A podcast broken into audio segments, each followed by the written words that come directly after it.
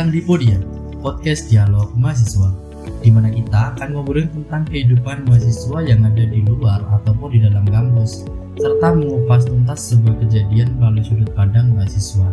Kenapa mahasiswa? Karena biasanya mahasiswa itu dikenal kritis dan intelek. Jadi kita mau lihat bener gak sih kayak gitu? Perkenalkan nama aku Amri. Balik lagi ke topik kemarin, yaitu kenapa pembuatan aplikasi mahal. Di sana kan ada beberapa poin tuh. Salah satunya adalah operasional atau tim yang mengerjakan proyek tersebut. Toh mereka itu kan tim, bukan solo player. Misal kita satu project seenggaknya tuh butuh tiga orang. Seenggak-enggaknya nih ya, tiga, kita butuh tiga orang. Dan seenggak-enggaknya juga tiga orang itu masing-masing digaji 4 juta dengan durasi pengerjaan biasanya sih kurang lebih tiga bulan. Jadi kalau kita hitung-hitung nih ya, 4 juta dikali tiga orang selama tiga bulan hasilnya ayo coba dihitung berapa? 36 juta. Itu sampai akhir. Enggak dong. Perusahaan kan juga butuh income dari perusahaan dari proyek tersebut ya. Seenggaknya sih kalau perusahaan biasanya ngambil 30% dari total nilai proyek bisa dibilang 70% memang buat operasional. Nah sisanya itu dibagi ke perusahaan kayak gitu. Nah eh, mahal nggak sih kayak gitu? Penasaran kan? Kenapa tiga orang itu bisa hanya tiga orang aja nih ya bisa membuat sebuah project yang cukup mahal seperti itu. Apakah satu project itu hanya perlu tiga orang? Kayak yang aku bilang tadi, enggak dong. Ya tergantung juga, tergantung juga dari sebuah project itu besar atau enggak. Enggak mungkin tiga orang aja kayak di startup yang ada di drakor drakor itu kan, yang tiga orang doang bikinnya. Nah malam ini aku ditemenin uh, salah satu temanku namanya Saiful. Kita akan bahas lebih lanjut nih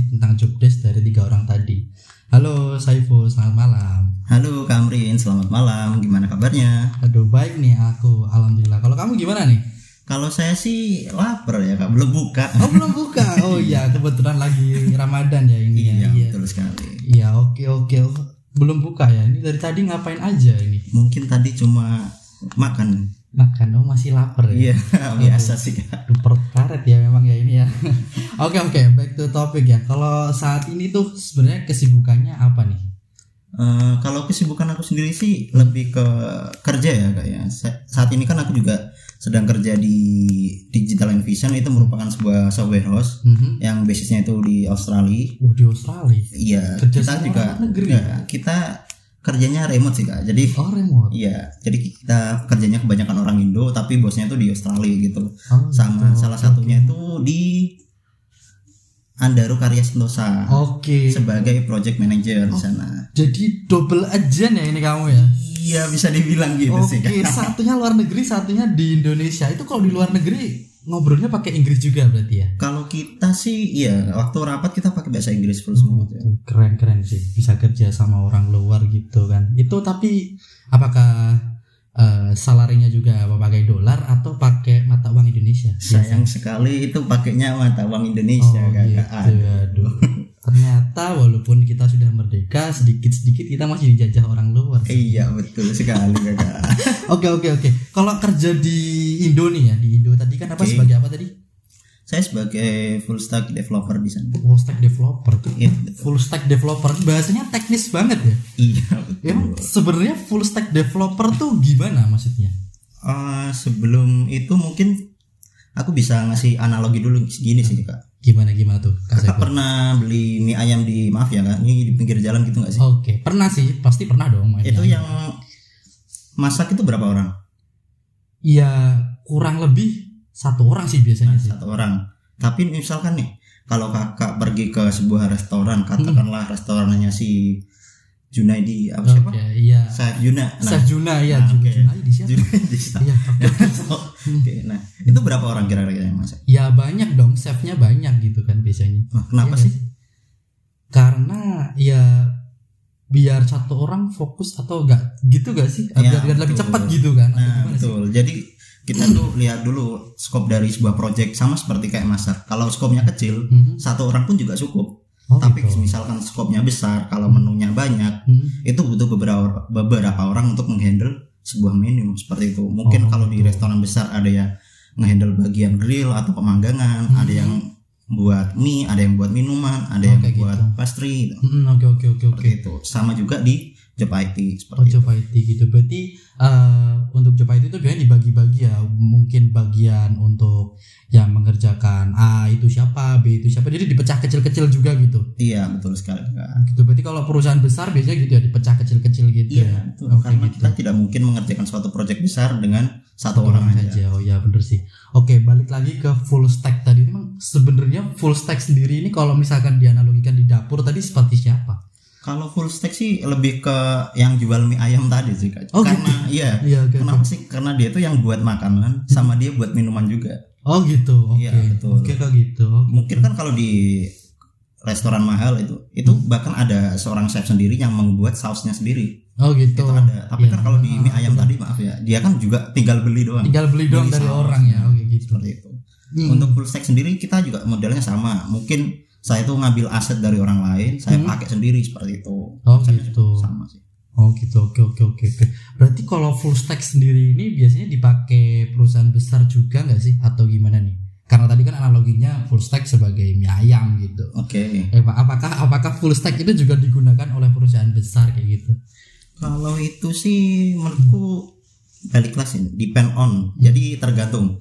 Mungkin kan ada sebuah perusahaan besar nih. Hmm. Dia tuh kalau misalkan dia ada divisi baru ataupun apa ya, ada kemungkinan ada full stack di sana. Hmm. Di mana dia itu mengerjakan seluruh sistem itu sendirian. Itu ada salah satunya yang saya tahu itu di Tokopedia. Hmm. Kakak tahu fitur Aduh. mitra Tokopedia? Iya aduh. Nyebut merek ya ini. Oke oke. Oh iya, maaf. Gak apa-apa gak apa. Si ijo si ijo. Ya, Kita si ijo. si ijo gitu biar gak nyebut merek. Oke oke lanjut lanjut. Nah, Hmm. itu mitra Hmm. itu tuh setahu saya ya, yang buat itu satu orang. Oke. Satu orang Oh, doang. satu orang. Oh satu orang doang. Iya satu orang doang. Itu yang bikin fitur itu satu orang. Nah kemudian dia itu kayak nge-hire orang magang. Ya, biasanya kan trial dulu. Trial Intern gitu ya. Iya betul. Hah.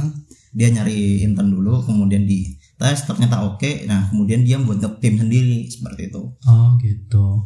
Jadi sebenarnya kalau di situ kelihatannya dia kayak kerja sendiri, tapi sebenarnya di dalam situ juga ada beberapa orang lagi gitu ya. Iya betul. Oke oke oke. Eh, ngobrolin the job desk ya, apakah full stack itu salah satu job desk dari tiga orang yang aku ceritakan sebelumnya itu atau?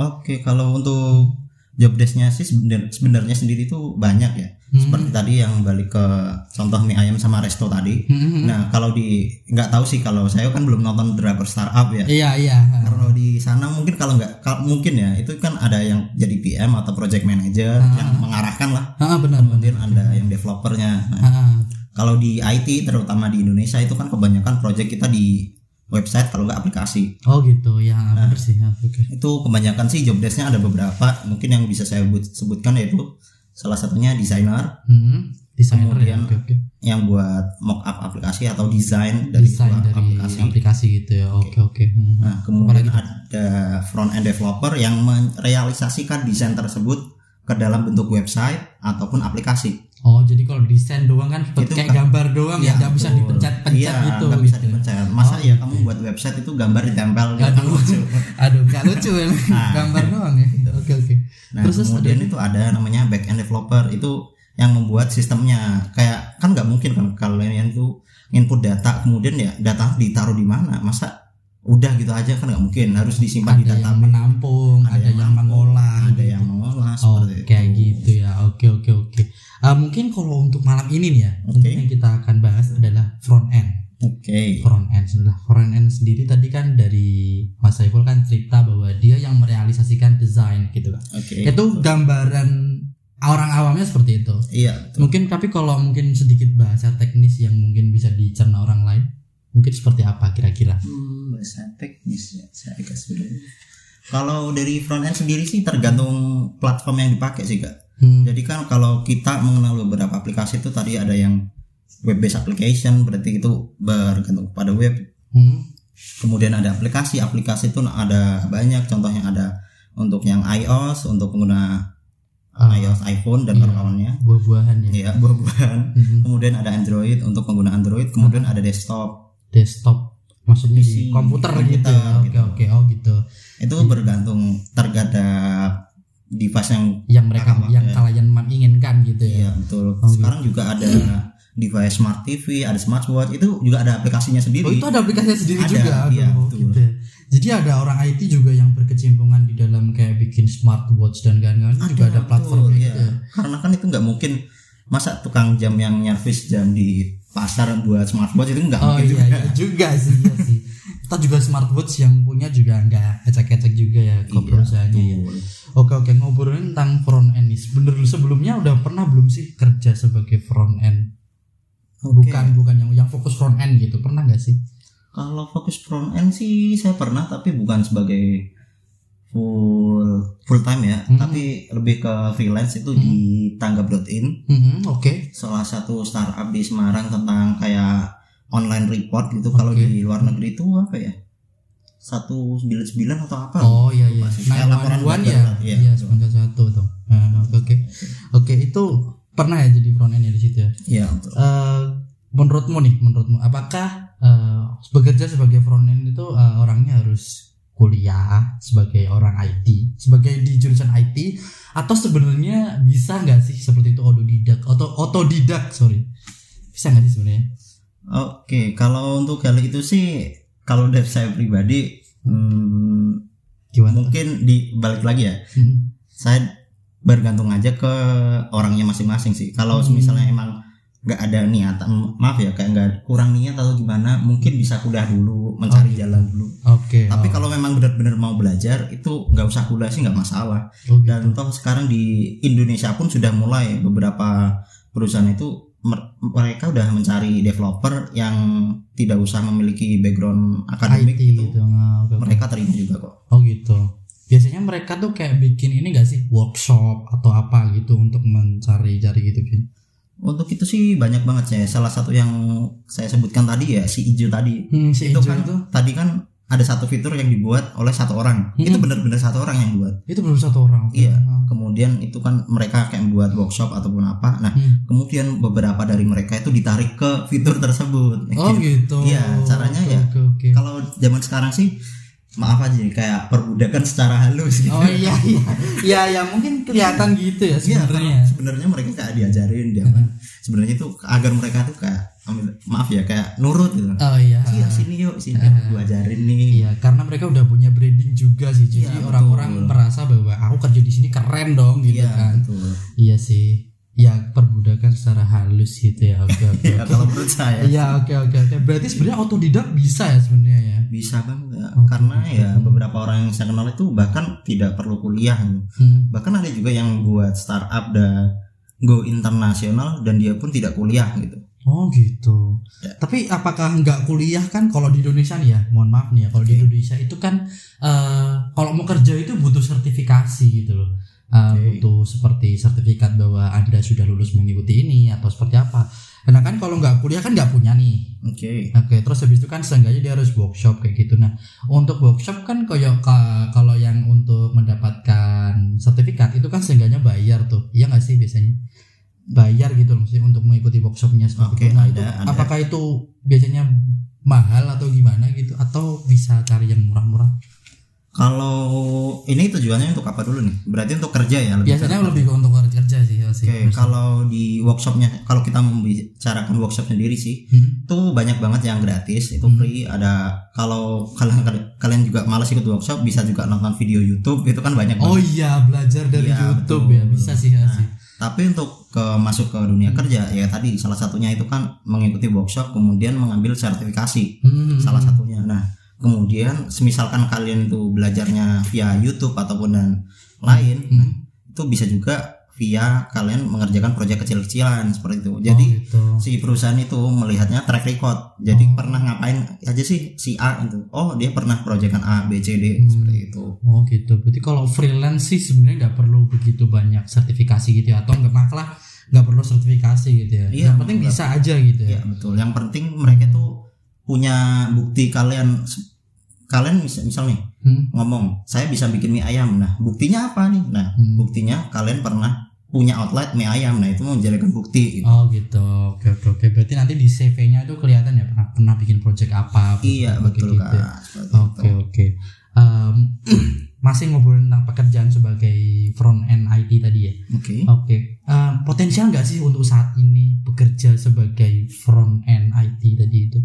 Oke, untuk kalau dari kaca saya sendiri sih, menurut saya sangat potensial banget karena selama ini saya kan Hmm. Juga di apa namanya Di- ada Rokarya Sentosa itu kan sebagai project manager di mana itu tuh membutuhkan senior front end kan. Ya itu saya nyari itu sulitnya setengah mati. Sulit banget. bentar-bentar ini kan ada senior front end. Iya betul. Apakah itu job desk apakah di IT itu ada senioritas atau gimana kok ada senior Oke. front end gitu. Itu Maksudnya lebih ke ini sih kayak balik lagi ke analogi dapur ya. Ah ah. kalau di dapur tuh kan ada, maaf ya kayak ada yang tukang cuci. Ah, ah, oke tukang cuci. Ah, ada kemudian pasti waktu di dapur juga itu ada yang namanya chef. Hmm. chef itu cuma bikin resep doang. Oh chef cuma bikin resep doang? Iya betul. Dia Oke, bikin resep. Nah kemudian yang masak itu ada lagi oh ada lagi. Iya, jadi dia- ya gitu iya. ya. Oh gitu ya. Jadi dia kayak controlling doang nah di IT juga sama. Ada yang juga membuat namanya seperti arsitektur. Makanya di arsitektur kan nggak mungkin dong arsitek dia Iya, yang yang, bangun. nguli gitu kan nggak Nah, mungkin ya. Dia yang- cuma gambar doang ya. Cuma ngasih tahu kan konsepnya dia yang gini. gambar. Ada juga namanya mandor. Mandor itu ya yang mengawasi lapangan. Ya Oke. sama seperti IT sebenarnya. Ada Oke, juga oke. yang jadi arsitektur softwarenya Hmm. perangkat lunaknya kemudian ada yang mengawasi lapangannya Hmm. ya yang biasanya mengawasi itu lebih ke senior engineer Oh berarti senior lebih mengawasi observasi Iya, betul. Nah. gitu ya. kemudian yang mengerjakan sih biasanya yang juniornya Oh gitu, berarti ada Iya. senior ada junior oh ya. Oke Iya, oke oke. Sih oke sih. Oke oke oke. Eh, mungkin bisa sedikit disinggung mungkin ya eh, parameter seorang senior itu kira-kira seperti apa, terus junior itu seperti apa. Maksudnya parameternya apakah senior itu harus bekerja selama tiga tahun sebagai front end atau seperti apa? kalau untuk senior dan junior sih menurut saya ya balik lagi ke mungkin kalau yang biasanya itu Hmm. based on pengalaman Oh gitu, based on ya pengalaman. betul. Karena kan nggak mungkin juga kalian bisa diakui sebagai senior tapi nggak punya pengalaman. Eh, baru baru itu nggak mungkin juga. Nggak mungkin ya. ya walaupun mungkin ada beberapa orang yang cuma punya pengalaman satu atau dua tahun tapi memang benar-benar niat banget. Jadi mereka tuh serajin ikut workshop ataupun rajin Hmm. kerja dan kawan-kawan. Makanya dia mungkin selevel dengan si senior yang lain Hmm. atau bahkan lebih tinggi itu Oh ada gitu. jadi mungkin lebih ke pengalamannya sih kak Oh pengalamannya ya. ya sama tadi balik lagi ke track recordnya dia tuh pernah ngerjain apa aja seperti. Oh gitu ya. Tapi kalau misalkan nih ada orang baru banget nih, Mm-mm. maksudnya dia belum pernah berkecimpungan di dalam software atau apa gitu. Cuman dia sering banget ikut workshop dan ternyata dia itu menyerap ilmunya tuh mengerikan gitu. Jadi jenius gitu. oke Mungkin gak sih kan dia kan belum punya track record nih, cuman ikut workshop aja. Tapi terus dia daftar sebagai senior tuh ada nggak sih? Bisa nggak sih kayak gitu tuh? Atau senior itu harus kerja di situ selama berapa bulan baru naik tingkat seperti itu?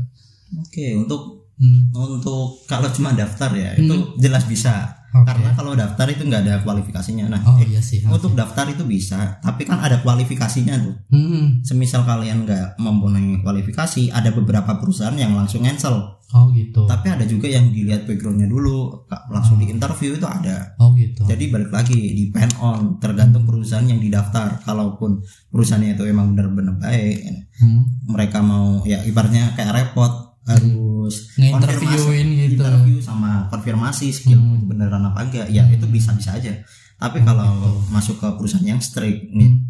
mereka udah ngasih batas minimal harus S1 habis itu harus pengalaman tiga Oh, iya, tahun bla bla bla bla. nah itu jelas-jelas itu nggak bisa Oh gitu ya. Berarti tergantung dengan mau daftar di mana dulu gitu ya. ya betul Oh gitu ya. Tadi masih potensial ya berarti ya untuk saat ini ya sebagai sangat end. ya. sangat potensial nggak Emang emang kalau di IT nih ya, oke eh, apakah seorang full stack itu juga bisa jadi senior front end seperti Kak Saiful ini? kalau saya sih belum belum bisa dibilang sebagai senior front end karena juga dari pengalaman saya masih kurang Hmm. saya baru dua tahun ini juga dan itu pun masih banyak orang-orang yang di atas saya Hmm. kemudian balik lagi di itu pertanyaan untuk pertanyaan tadi apa Eh, apakah seorang full stack seperti Kak Saiful ini kan tadi cerita malah udah dua tahun nih di, Iya, di bidang IT. Dua tahun tuh menurutku udah udah cukup lama loh untuk kerja. Apakah itu masih belum cukup ya untuk jadi senior gitu ya?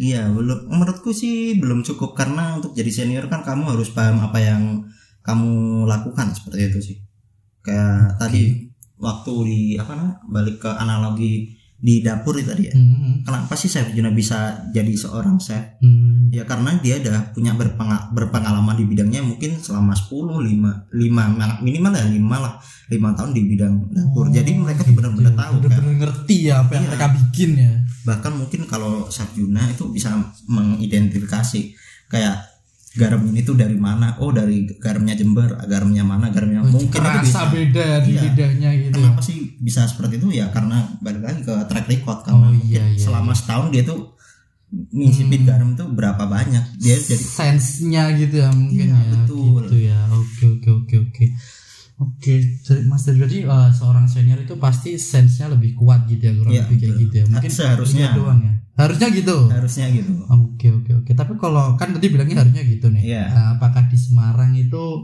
eh, sudah ada job desk sedetail itu sampai senior atau seperti apa? Itu ada nggak sih di Semarang? Kalau di Semarang sih menurut saya sudah ada. Cuma mungkin untuk kejelasannya sendiri saya agak meragukan. Oh, karena tahu sendirilah di negara kita ini hmm. ada namanya apa namanya? Politik. Oke Nah, birokrasi. birokrasi oke benar. ya itu sedikit jadi ya mungkin katakanlah orang itu belum mencukup untuk dari segi ilmu belum mencukupi. Tapi Hmm. mungkin karena dia sudah di sana berapa tahun tiga Hmm. tahun lima tahun dia diangkat sama perusahaan jadi senior. Oh padahal skillnya belum mumpuni iya betul. Oh kayak gitu juga bukannya kayak gitu tuh justru malah memperburuk perusahaannya sendiri nggak sih maksudnya? iya tapi karena itu yang terjadi yang setahu saya di lapangan ya mau gimana lagi gitu Oh gitu ya. Tadi track Makanya. record gitu. Bukan track record ya, lebih ke umurnya dia gitu. Tapi Iya, ada betul. improve gitu ya dia. Iya, karena itu banyak banget di terutama di Semarang ya itu menurut saya tuh banyak banget yang kayak gitu Hmm, oh, gitu ya. Oke, balik lagi ke tentang belajar front end tadi ya. oke Eh, untuk orang awam nih ya, kira-kira tuh belajar sebagai front end tuh kira-kira bakal memakan waktu berapa lama sampai dia bisa diterima di suatu instansi? Kira-kira berapa lama tuh? berapa lama ya Atau atau tetap Hmm. orang beda-beda? Seenggaknya tuh kayak minimal berapa bulan gitu. Orang ini akan dikatakan oh ini dia bisa front end gitu. Apakah tetap based on skill masing-masing orang gitu? oke Gimana kalau menurut saya sih Hmm. eh, kan itu sekarang ini banyak ya kayak bootcamp bootcamp itu Hmm. mungkin katakanlah cuma tiga bulan dan mereka tuh banyak yang kayak ngeplay di perusahaan A perusahaan B Hmm. mereka mengaku sebagai front end developer Hmm. atau bahkan berani mengaku sebagai associate itu Hmm. menurut saya ya sebenarnya agak lucu sih sebenarnya kalian tuh nggak bisa dibuktikan dari cuma bootcamp ya balik lagi perusahaan itu nggak mau nerima kalian kalau kalian nggak ada track record Oh gitu, ah, iya sih tadi ya tergantung Iya, perusahaannya. kan nggak mungkin dong ka- kamu mau beli suatu produk kalau produknya mi- minimal lah nggak Hmm. terkenal ataupun apa masa nggak tahu ceritanya ini dari dari siapa Oh iya sih. mau beli kan nggak mungkin Oh iya juga sih ya. Nah, jadi mungkin kalau beda-beda. untuk waktu sih ya kalau Hmm. dari saya mungkin setahun kalau dari Mas Iya. Evo sendiri berapa tahun dulu tuh sampai jadi full stack gitu? kalau jadi full stack itu ya saya kan kuliah ini berapa ya? empat tahun ya empat tahun habis itu saya pengalaman gitu. mungkin dua tahun sih Dua tahun jadi full Eh, stack. iya saya belajar dua tahun karena Serius nih dua tahun nih. dua tahun kan itu saya belajar di perkuliahan ya walaupun saya nggak dapat ilmunya di perkuliahan di Oh luar iya iya iya maksudnya nggak nggak nggak guna nggak begitu berguna untuk di pekerjaan kayak gitu ya. iya mungkin lebih implementasinya saya nyari di luar itu kan Hmm. itu saya nyari mungkin selama dua tahun kemudian untuk implementasi secara profesional itu ya kurang lebih dua tahun Oh gitu. Oke, tadi bahas tentang kuliah juga ya. Sebenarnya kalau pas kuliah itu apakah ilmu-ilmunya itu sebenarnya bisa diimplementasikan langsung di perusahaan atau gimana sih? Soalnya kan eh, saat ini kan corona-corona gini kan bener-bener aku lihat tuh eh, orang lulus tuh semakin banyak di IT gitu. Tapi oke eh, begitu aku ngecek di LinkedIn atau mereka kadang juga ngontak ke aku gitu. Ada ada job gak kayak gitu? Itu tuh apakah apakah bisa? Memang nggak bisa ya maksudnya eh, habis kuliah gitu. Tapi pure ilmu kuliah itu dipakai untuk kerja tuh emang nggak bisa ya di IT itu. Sebenarnya bisa sih tergantung dari anaknya. Balik lagi ke depend on. Kan apa sih kita selalu balik lagi ke depend on? Hmm. karena ya sebenarnya tuh nggak ada yang fix di dunia ini jadi Hmm. Semua bakal balik lagi ke diri anda sendiri Hmm. sebenarnya itu bisa kalau kamu cuma pure dari kuliah, Kuliah, ya karena gitu. itu kan mempelajari teori di mana Hmm. di lapangan pun mereka juga memakai teori Hmm. tapi untuk mempraktekannya itu kan juga butuh jam terbang di mana Iya. itu nggak mungkin kalian cuma baca buku habis itu kemudian kamu bisa contoh nih di apa namanya arsitektur. Hmm, kamu cuma baca baca baca baca kemudian nggak mungkin dong kamu bisa buat langsung buat gambar gitu. yang buat apalagi Burj Khalifa itu kan nggak mungkin. Ya nggak mungkin lah ya. Nah, karena mereka balik lagi butuh pengalaman di ini di lapangan. Oh, jadi nggak mungkin juga. Makanya di dunia kreatif terutama IT ya Hmm, itu tuh banyak banget dosen-dosen yang dibicarakan jelek karena mereka tuh banyaknya nggak ada pengalaman di lapangan di tapi lapangan. mereka ngajar nah itu Oh, sebenarnya gitu. agak lucu gitu loh Oh karena mereka belum pernah bergelut di bidang IT tapi mereka malah mengajar gitu ya. Iya, tapi Oh, secara gitu. konsep sih oke tapi untuk misalkan eh, tujuan kalian kuliah itu untuk kerja itu sebenarnya hal yang lucu sih menurut Oh gitu. mending kalau kalian emang tujuannya untuk kerja nah mending ya ikut bootcamp aja atau Oh gitu ngapain. ya ikut workshop atau Iya, gimana? betul. Karena kuliah basically bukan tempat untuk cari kerja gitu. tapi mencari ilmu oh gitu ya. Oke oke. untuk oke. implementasinya harus keluar harus tetap cari sendiri kayak gitu ya. Oke oke oke.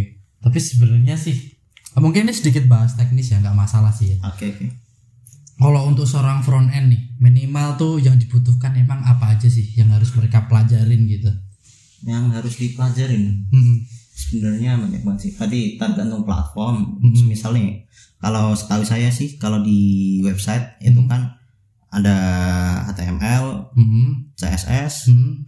kemudian ada juga JavaScript di mana itu udah paling populer menurut saya bahasa pemrograman paling populer di dunia itu udah paling penting banget JavaScript tadi itu ya. Oke Iya, oke. ha. menurutku udah paling penting sih belajar Oke. bisa JavaScript itu menurutku udah bisa cari kerja sih Oh gitu. Iya. Bisa belajar JavaScript tadi udah bisa cari kerja gitu. iya Oke, berarti eh, mungkin di situ juga banyak yang digelutin ya di dalam JavaScript itu ya. itu banyak banget karena di JavaScript sendiri kamu bisa membuat seluruh aplikasi benar-benar seluruh aplikasi dari database sampai ke front end itu bisa bahkan oh, gitu ya. apa kayak data mining dan kawan-kawan itu bisa pakai JavaScript itu oh, bisa gitu ya. Terlalu terlalu kompleks atau gimana sih sampai semuanya bisa dia kerjain gitu cuman ya pakai ya JavaScript. mungkin karena dia itu simple jadi banyak orang yang suka jadi ya banyak orang yang nyoba bisa sih nggak sih pakai ini ya ternyata bisa ya why not gitu Oh gitu. Oke oke oke. Jadi IT itu sebenarnya dinamis banget ya. iya betul Hmm, Oke oke oke. Ah, Oke. Eh, ngobrolin tentang kerja lagi nih ya. oke Sebenarnya kan kalau kalau kita jadi apa ya? Jadi guru gitu kan mungkin eh, tingkatan paling tinggi mungkin mereka jadi kepala sekolah atau gimana itu. Nah, Iya. kalau untuk jadi front jadi seorang front end itu tingkatan paling tinggi sebagai orang front end itu apa sih? Yang mungkin banyak orang tahu gitu. hmm, yang mungkin banyak orang tahu menurutku jarang ada yang tahu soalnya kan Oh gitu. di IT sendiri mereka taunya kita itu yang bisa benerin printer kan Iya, ngetik-ngetik Nah, iya, kayak gitu betul. ya, iya sih. printer rusak bilang ke Hmm. kita kalau enggak AC rusak bilang ke kita ya padahal Iya. kan enggak seperti itu Padahal tuh orang front end yang kerjain website gitu ya. Nggak bakal mereka paham lah gitu ya. Iya. Oke oke. Emang paling tinggi apa sih sebagai front end tuh emang?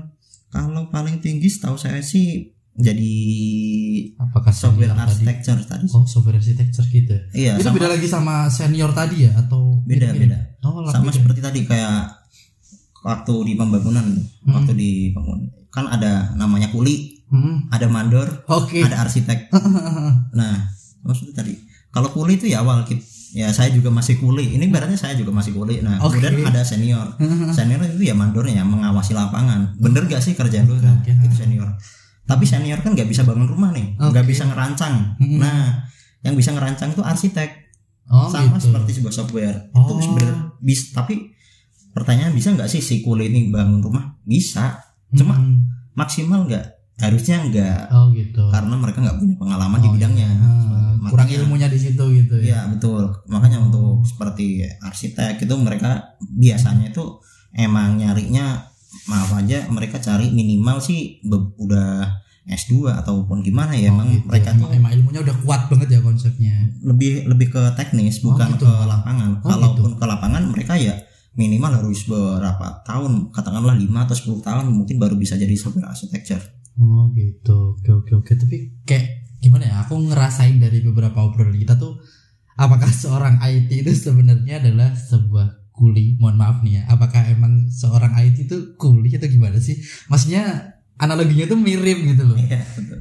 Kalau IT sih sebenarnya menurut saya itu ya kuli digital. Oh, kuliah digital. Soalnya Iya, kemarin betul. aku sempat baca di Twitter tuh ya, ada salah Oke. satu thread tuh yang membahas bahwa anak IT tuh hanya ya sebenarnya kuli gitu, cuma Iya, mereka betul. kerjanya di de- di dalam kantor ber AC kayak gitu. Terus Iya. sebenarnya mereka kuli gitu. Aku aku rada bingung sih sebenarnya gimana gitu. Apakah bener kayak gitu? Ya menurutku ya bener-bener aja karena IT kan tuh tujuannya buat aplikasi. Nah aplikasi yang ada itu buat apa sih? Buat jalanin bisnis. Nah balik lagi ternyata yang kaya itu siapa? Ya pebisnis. Oh gitu, Bukan yang bisnisnya ya aplikasi, kayak. ya. Oh iya iya iya kayak kayak front end dan kawan-kawan itu tetap aja ya, Ya kuli, gitu. ya, balik lagi.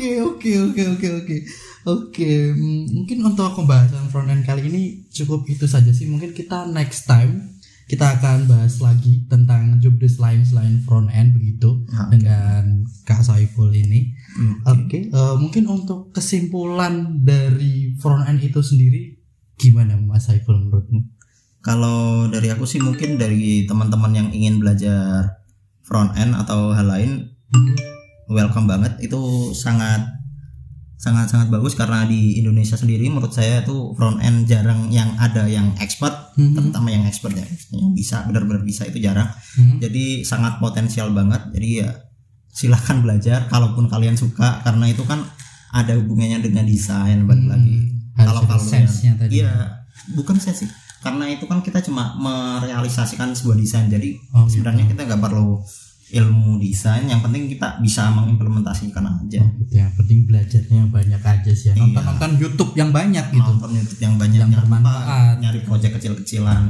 Oke oke oke. minimal dibayar 2 m makasih mas Aduh makasih Mas gitu. Aduh. masalah yang penting kan ada track record Makanan sehari-hari Mas Saiful nih kayaknya. iya Dua M betul nih. makanya dua tahun itu kan makasih mas terus Oh makasih Mas terus ya aduh.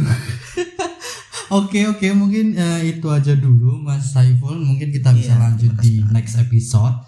Makasih banget udah datang dan menemani bahkan menjawab pertanyaan-pertanyaan kita. iya seputar terima IT kasih gitu. kembali mas Henry yang sudah menghubungi saya Oke Ke oke. podcast ini.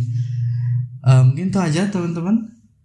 Terima kasih sudah mendengarkan podcast kita minggu ini yang pertama akan front end job desk IT.